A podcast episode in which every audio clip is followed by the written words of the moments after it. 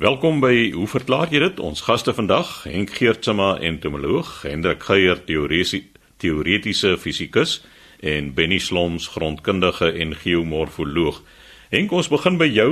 Jy gesels oor watertanks en dan ook oor bymotte. Chris, ek het hier 'n brief gekry van Karel en Anita van der Merwe. En hierdie brief het my ontsettend ontstel. En ek lees die brief.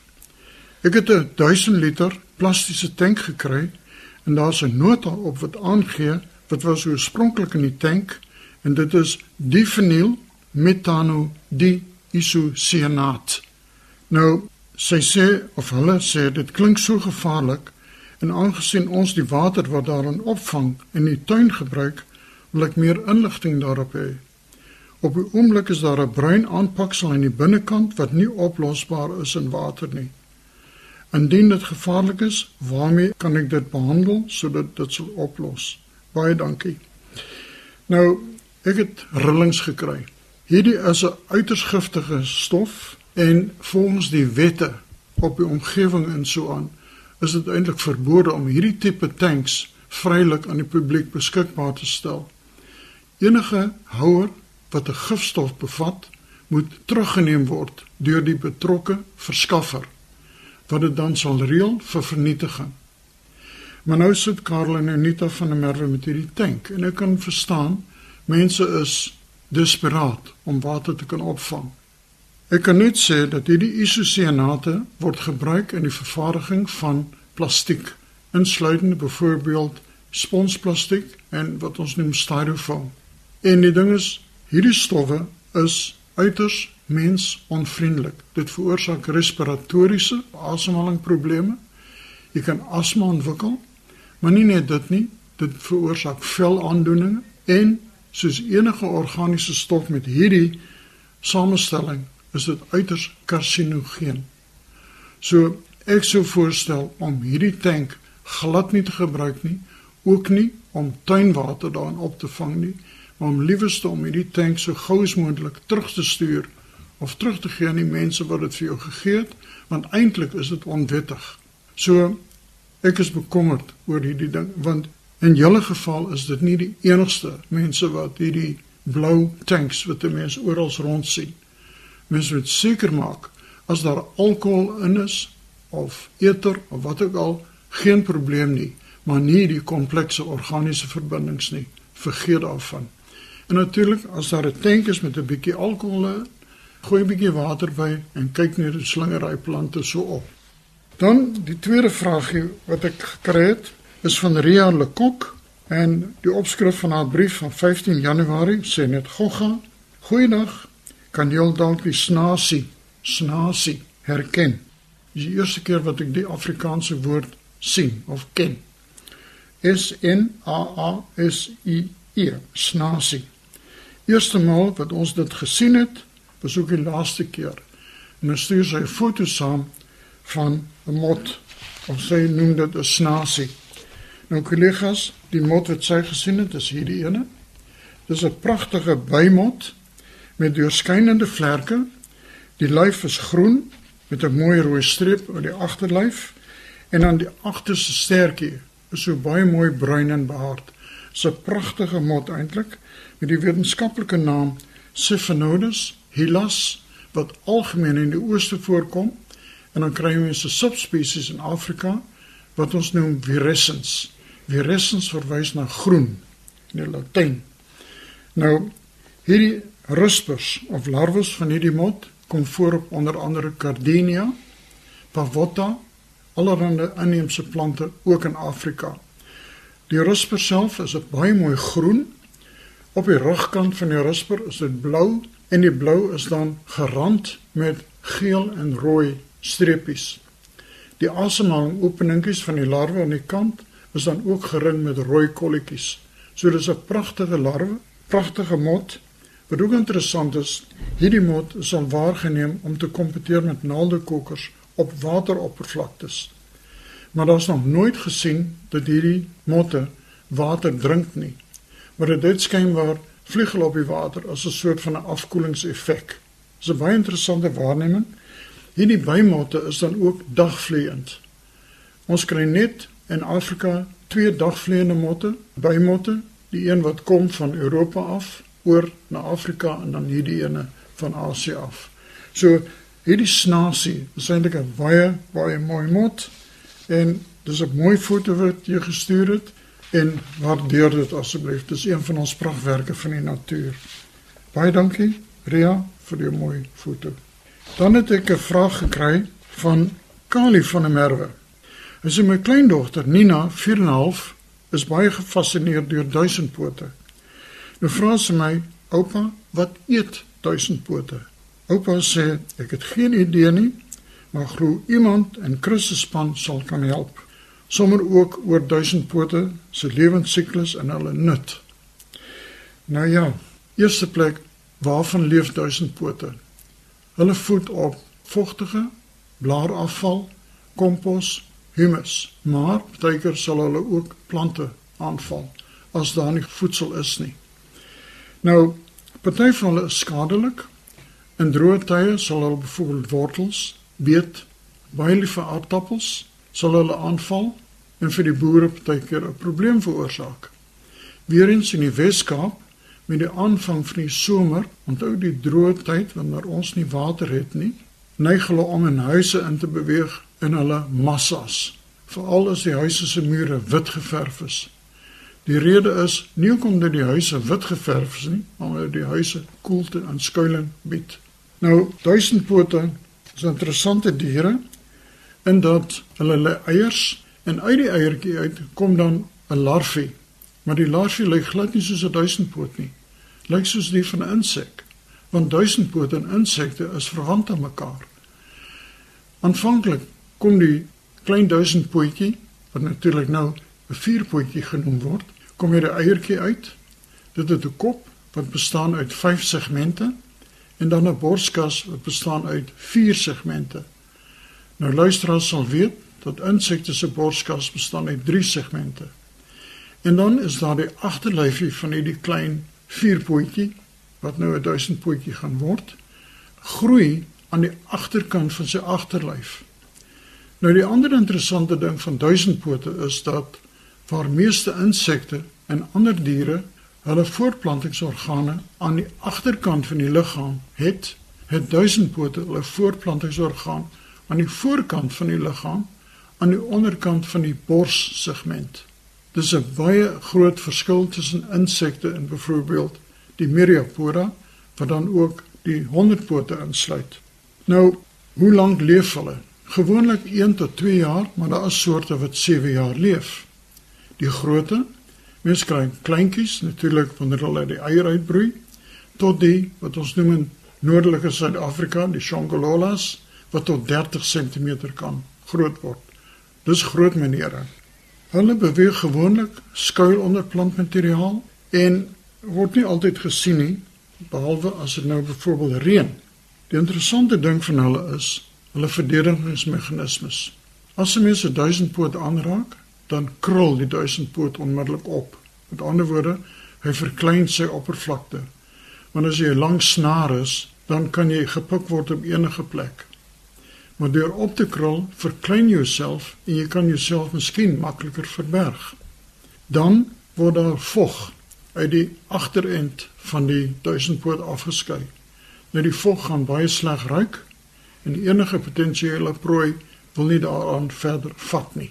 Verder kry mens 'n derde verdedigingsmeganisme en dit is 'n vinnige krul en rolbeweging. Met ander woorde, die duisendpootjie kan amper nie gevat word deur 'n roofdier nie. Maar die vierde een is die belangrikste een en die interessantste een. Deur die asemhalingsgate word daar 'n sekreet afgeskei en die sekreet kan byvoorbeeld jodium bevat of sianiet. Nou baie kere as mense duisendpoot optel, sal jy vind Dit ruik sleg nommer 1, maar jou hande raak ook gevlek. En dit is gewoonlik die jodium wat in daai afskeiding is wat jou vel vlek. Die interessantste voorbeeld van hierdie is in Madagaskar. Madagaskar kry mense lemurs, so 'n aapagtige dier, en hulle te pels. Hulle word ook geplaag deur allerlei parasiete. Wat hulle doen, hulle tel van die duisendpote op en vryf die duisendpote in hulle vel in as 'n weermiddel teen parasiete. So duisendpote is nie net sommer duisendpote nie. En interessant ook, meeste duisendpote het op die meeste 'n 100 paar pote. So dis 'n bietjie van 'n wanbegrip. Ons het al gepraat oor die boerename van diere wat baie keer 'n bietjie misleidend is. In die winter, oorwinter hulle as dan nie kos nie in 'n soort van 'n erde kokon. Met ander woorde, hulle maak 'n kokon gewoonlik onder klippe of onder plantmateriaal waar hulle dan oorwinter of oor somer afhangende van die reenseisoen van die betrokke tyd. Die grootste vyand wat hulle het, is 'n roofwans. Die roofwans se naam is Ectrocodia crux. Crux verwys na die Latyn na 'n kruis. Nou hierdie is 'n redelike groot roofwans, lyk soos 'n kewer, omtrent wanneer dit volgroei is so 2-3 cm lank en die is in staat of voet alleenlik op duisendpote. Die duisendpoot word gesteek en dan leeg gesuig. Mense moet asseblief nooit hierdie roofvans optel nie, want die byt van hierdie roofvans kan jou arm verlam vir tot 3 weke. So, hulle het 'n vyand wat redelik algemeen is, so geel en swart kewer en jy weet 'n roofvans wat 'n stingbesie is en jy weet natuurlik enige insek wat geel en swart gekleur is, vermy dit. Baie dankie, oupa van der Merwe. Ek hoop die dogtertjie weet nou 'n bietjie meer van duisendpote. So sê Henk Geertsma, ons entomoloog, Benny Sloms, ons geomorfoloog en grondkundige. Benny, so 'n tyd gelede het ons 'n vraag ontvang van 'n luisteraar oor 'n groot ronde gat in 'n klip in die Oranje rivier, maar hy het toe nie 'n duidelike foto gehad nie. Nou het ons duidelike foto's daarvan. Baie dankie Chris. Goeiemôre luisteraars. Nou die rukkie terug was 14 Augustus 2016. Mens kan nie glo hoe vinnig tyd verbygaan nie. Ek het weer 'n brief gekry van Piet en Jorita Uys hier van Melkbos Strand en dit gaan oor 'n vraag wat ek destyds beantwoord het oor 'n gat wat horisontaal deur 'n gesteente geloop het. Toe wou hy weet maar wat is die geneese? Nou die ronde gat, die ding wat destyds geplaas, loop horisontaal deur 'n rots. En vanaf die foto wat ons destyds gekry het, kon ek nie sien of dit 'n vaste rotsdagsoom is en of dit 'n ronde losronde klip is nie. Hierdie keer het ek 'n hele reeks foto's gekry, nie van Piet nie, maar van iemand wat ook gaan roei het in die foto's vir hom gestuur het. Nou, hier is dit nou baie duidelik dat die rots waarin die horisontale ronde gat is, dis 'n losrots. So hierdie rots is 90 grade gedraai soos ek ook destyds gesê het. Nou die geneese van hierdie ronde gat wat min of meer 40 cm in deursnee is, dit is 'n maalgat wat gevorm het in die rivier. Soos ek destyds verduidelik het, jy het klippies wat vasgevang raak in 'n holte of in 'n spleet en die water van die rivier begin hierdie klippie of klippies roer later al in die ronde en met hierdie vasgevangde klippie in die spleet of in die holte word daardeur erosie, abrasie in die skuuraksie word daar al hoe diepende gat gevorm. Tipies die verskynsel en die geneese wat 'n mens kry by die vorming van maalgate.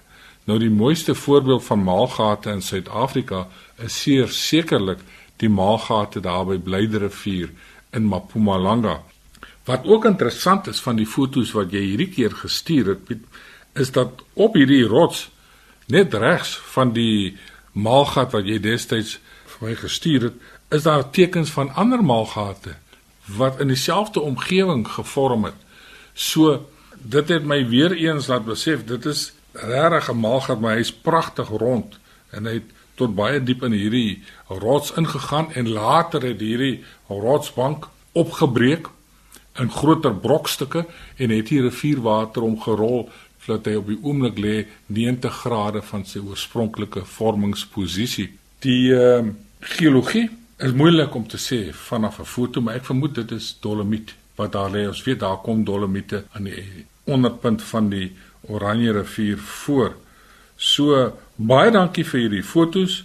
Ek sien daar's 'n hele klomp mense in kanoes wat daar spesiaal gewag het vir die klomp fotos om geneem te word. Ek sê dankie vir almal wat 'n bydrae gelewer het en uh die oorspronklike verklaring dat dit 'n uh, 'n maalgat genees het, is is dit reg. Ons kon dit nie sien in 2016 of dit 'n soliede bankrots is wat nog in posisie is en of dit 'n groot rotsblok was nie. En dan het Piet ook vir my 'n tweede e-pos gestuur waarin hy vra of ek uh, waterontledings doen of ek beskikbaar is vir waterontledings. Nou Piet, ek is afgetree, ek woon in 'n woonstel. Ek het nie 'n laboratorium waar ek dit kan doen nie. Jy moet maar watermonsters en dit geld vir ander luisteraars ook wat dieselfde versoek aan my gestuur het. Jy moet dit stuur na 'n grondlaboratorium by 'n universiteit of daar is ook 'n groot maatskappy in die strand wat hierdie tipe ontledings doen. Ek wil net die mense aanraai wat water stuur spesifiseer presies wat jy gedoen wil hê. 'n Volledige ontleding kan vir jou baie geld uit die sak uitdruk en dit is miskien ook altyd goed om eers vir 'n kwotasie te vra voordat hulle aangaan met die ontleding. Indien jy vermoed daar is kolie, 'n bakterie in die water, dan gaan vir jou 'n bietjie meer kos want dan is daar ook 'n microbiologiese ontleding wat gedoen moet word. Normaalweg wat gebeur is dat in so 'n laboratorium die eerste toets wat gedoen word is wat is die totale hoeveelheid soutte in die water? 'n Vinnige toets wat jy kan doen en miskien die pH ook. Nou indien daardie eerste toets vir jou sê die water het bitter min soutte in, dis relatief vars, dan verval 'n klomp verdere toetse wat jy hoef te doen. Is daar egter 'n kritiese hoeveelheid soutte in die water, dan gaan 'n mens verder om te kyk presies wat is die katione en die anione wat in die water is, want sommige is beter as ander van hierdie soutte wat daarin voorkom. Ek doen dit nie. Ek wil nie die naam van die maatskappy nou hierso oor die lug gee nie. Ek dink mens mag dit nie doen nie, Chris, maar daar is sulke instansies wat dit kan doen, Piet. Benny, ek wil net daar byvoeg, ek was onlangs by daardie laboratorium waarna jy verwys het. Hulle het nogal baie streng vereistes. Jy moet eers die bottel deeglik skoonmaak waarin jy die monster bring. Dan moet die monster op dieselfde dag wat jy dit geneem het, moet jy dit sommer dadelik vir hulle neem ook en die temperatuur van die water mag nie hoër as 12 grade Celsius wees nie. So wees maar voorberei daarop dat uh, die bottel skoon gemaak moet word en dat dit koel by hulle moet aankom. Christie skoon bottel, dit kan ek verstaan, dit is van selfsprekend en daarom natuurlik die volume moet ook groot genoeg wees. Maar uh, dat hy binne dieselfde dag by die laboratorium aankom by 'n spesifieke temperatuur vir die tipe ontledings wat ons wil doen om te kyk of die water geskik is al dit is nie nodig nie. En as iemand daardie vereistes vir jou wil stel, dan kan jy maar weet jy gaan betaal vir daardie ontleding. So sê Benny Sloms, grondkundige en geomorfoloog. Laaste aan die beurt is Hendrik Geier, ons teoretiese fisikus. En Hendrik, jy het verskeie onderwerpe waaroor jy wil gesels, maar onder andere ook plant verskillende kleure teen verskillende snelhede voort. Chris, gelukkig sal niemand hoef te betaal vir die antwoorde wat hulle op die program kry nie. Ek gee eers aandag aan twee kort vrae wat ons per e-pos van Jan van Heerden gekry het.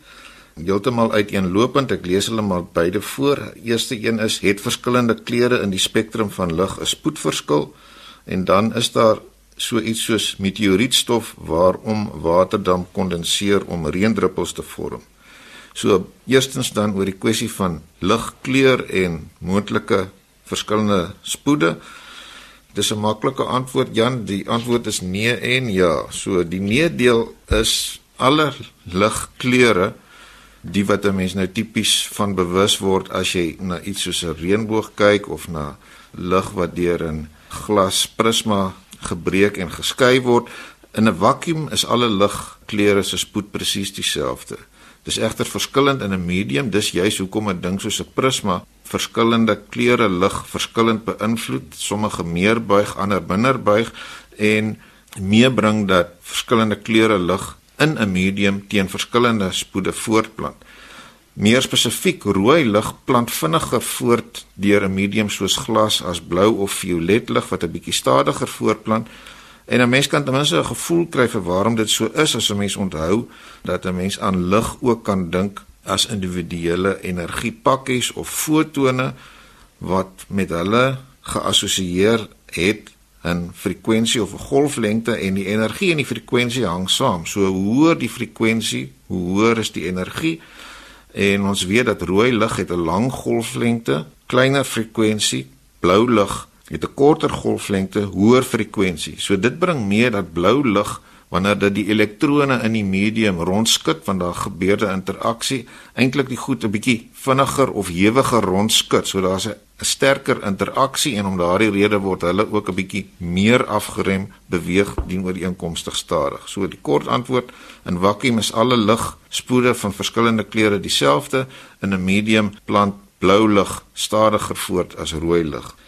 By die kwessie van meteorietstof, ek dink die antwoord is eenvoudig. Meteorietstof lees ek word ook na verwys as sogenaamde mikrometeoriete en dis goedjies wat omtrent so in grootte tussen 50 mikrometer en 2 mm wissel. Hulle spesifieke oorsprong is inderdaad van meteoriete en hulle is 'n subversameling wat in die algemeen eenvoudig na verwys word as kosmiese stof. En toenemend is dit so dat kosmiese stof 'n uh, belangrike rol speel in die analise van inligting wat van ver af sterrestelsels gekry word, naamlik dat die inligting wat deur lig en ander dele van die elektromagnetiese spektrum oorgedra en hier by ons geanaliseer word byvoorbeeld in die SKA projek dit moet so goed as moontlik in ag neem die mate waartoe daardie elektromagnetiese straling of lig dan in die besonder deur die kosmiese stof beïnvloed word. Hoe ook al, dit is nie uitsluitlik die stof waar rondom waterdruppels vorm nie. Daar is eenvoudig stofdeeltjies wat van die aardoppervlak in die atmosfeer beland en hulle is almal uiteindelik kerne waar rondom kondensasie plaasvind wat dan uiteindelik tot die reën lei wat ons op die oomblik nou nie hier in die Wes-Kaap het nie. Dan Chris 'n uh, vinnige antwoord op 'n vraag wat ek gekry het van Dani van Rensburg. Hy sê hy het opgelet dat ruitveers van 'n voertuig ophou beweeg en stil staan as die voertuig se masjien afgeskakel word en dan bly hulle so staan ongeag hulle posisie op die windskerm. Aan die ander kant het hy opgelet wanneer die ruitveers by hulle eie skakelaar afgeskakel word terwyl die engine nog loop, voltooi hulle die siklus en gaan lê plat in die rusposisie buite sig. Nou wil hy weet hoe verklaar 'n mens dit? Ek dink die antwoord is redelik voor die hand liggend daar nie. As jy uh, daaraan dink dat in 'n uh, moderne voertuig al hierdie goed by wyse van elektriese en elektroniese stroombane gereguleer word, as jy jou voertuig afskakel, onderbreek jy enige van daardie funksies en dit is hoekom die ruitveer dan maar net in sy posisie op die windskerm bly staan as jy jou voertuig afskakel.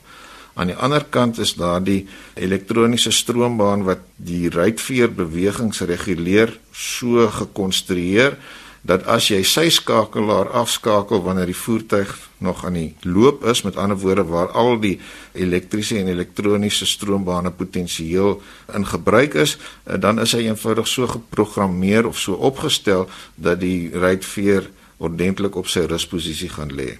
Chris, dan gee ek graag aandag aan 'n baie interessante skrywe wat ons van Henny deploy van Bronkhorstspruit gekry het. Hy het reageer op 'n antwoord wat ek 'n tyd gelede verskaf het rondom 'n vraag wat 'n luisteraar vir ons gestuur het wat gelyktydig 'n swewende arend wat besig was om 'n sirkelvormige vliegpatroon te voltooi gelyk waargeneem het met 'n vliegtyg. Ek het destyds aangeneem dat die vliegtyg heelwat verder van die luisteraar af was en aangedui het dat nommer 1 die arend by tye nie sigbaar was nie en verder dat die vliegtyg as dit ware 'n dampwolk om hom vertoon het in dieselfde rigting as wat die arend sigbaar was. Nou ek het destyds kop gekrap en tot die slotsom gekom dat hierdie twee verskynsels nie direk met mekaar te maak het nie.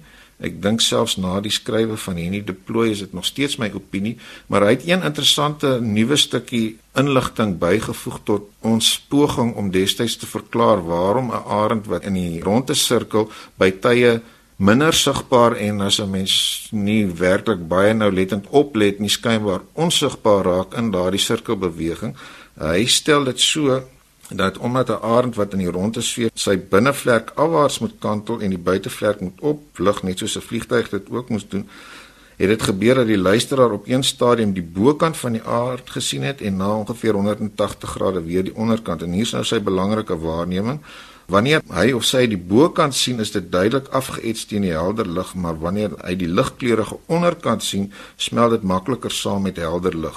Ons het destyds daarop gewys dat by verskillende punte op so 'n sirkelvormige vlug 'n groter oppervlak van die voël direk sigbaar sou wees en te kenne gegee dat die, die kleiner wordende oppervlak soos wat die posisie in die sirkelvormige baan verander dat dit die rede was waarom die ding minder en meer sigbaar was maar ek dink hierdie is 'n belangrike toevoeging naamlik dat roofvoëls oor die algemeen ligte onderkante van hulle vlerke het vergeleke met donker bokante en dit dra by tot die amper onsigbaarheid wat 'n mens onder daardie omstandighede sou waarneem. Nou dan Chris het Henny hier 'n lang analise vir my gestuur wat te maak het met waarnemings wat 'n mens in 'n windtonnel sou sien waar dit onder beheerde omstandighede duidelik is dat lug rondom 'n bewegende voorwerp in die geval van die windtonnel is dit natuurlik die wind wat beweeg en die voorwerp wat stil staan maar dieselfde gebeur wanneer die voorwerp deur die lug beweeg dat die lug rondom die voorwerp verdig en hy het dit gebruik as 'n verklaring vir waarom die waarneming wat met betrekking tot die vliegtyg gemaak is moontlik so kon wees. Enigste probleem met sy analise en hy sê dit hier aan die begin, hy neem aan dat die son skuins agter die twee voorwerpe was. Dit was nou die vliegtyg en die arend en wat ek vir hom met redelike stelligheid kan sê is die inligting wat ons destyds gehad het. Die persoon wat die vraag ingestuur het, het verwys na 'n redelike hoë temperatuur daardie tyd van die dag by die 30 grade. So die geografiese ligging is ook oorgedra. Die persoon het destyds aangedui dat ons nie te veel van hierdie besonderhede moet kommunikeer nie. Nietemin ek kon aflei dat die son definitief min of meer van agter die luisteraar in die rigting van die vliegtuig en van die arend geskyn het. So die moontlikheid om hierdie verdigting teen die sonlig waar te neem dink ek kan 'n mens met 'n redelike mate van sekerheid uitskakel. So ek dink nie ons is enige iets verder wyser oor wat die luisteraar by die vliegtuig waargeneem het nie maar ek dink die arend kwessie is nou daarom redelik uitgepleis So sê Hendrik Geier, ons teoretiese fisikus, skryf gerus aan ons by hoe verklaar jy dit? Posbus 2551 Kaapstad 8000 of stuur 'n e-pos aan chris@rsg.co.za.